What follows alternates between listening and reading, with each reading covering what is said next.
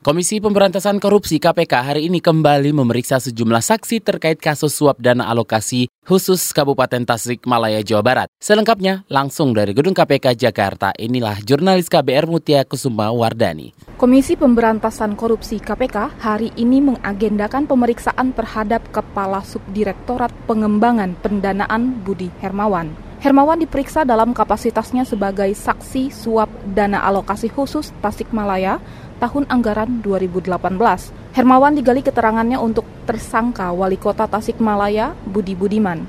Budi sendiri sudah menjalankan pemeriksaan perdananya sebagai tersangka pada Kamis kemarin. Ia diberitahu oleh penyidik KPK soal hak-hak sebagai tersangka dan mengklarifikasi informasi awal. KPK menjelaskan bahwa Budi Budiman telah menyuap bekas pejabat Kementerian Keuangan Yaya Purnomo. Budi diduga memberi suap sebesar 400 juta rupiah ke Yaya untuk memuluskan keinginannya mendapat sejumlah uang dari DAK tersebut. KPK menduga ada pertemuan antara Budi dan Yaya pada tahun 2017. Budi menjanjikan memberikan sejumlah uang apabila Yaya membantu rencananya tersebut. Yaya menerima tawaran tersebut dan mengesahkan lebih dari 124 miliar rupiah untuk mengajukan DAK bidang jalan, rumah sakit rujukan, dan irigasi.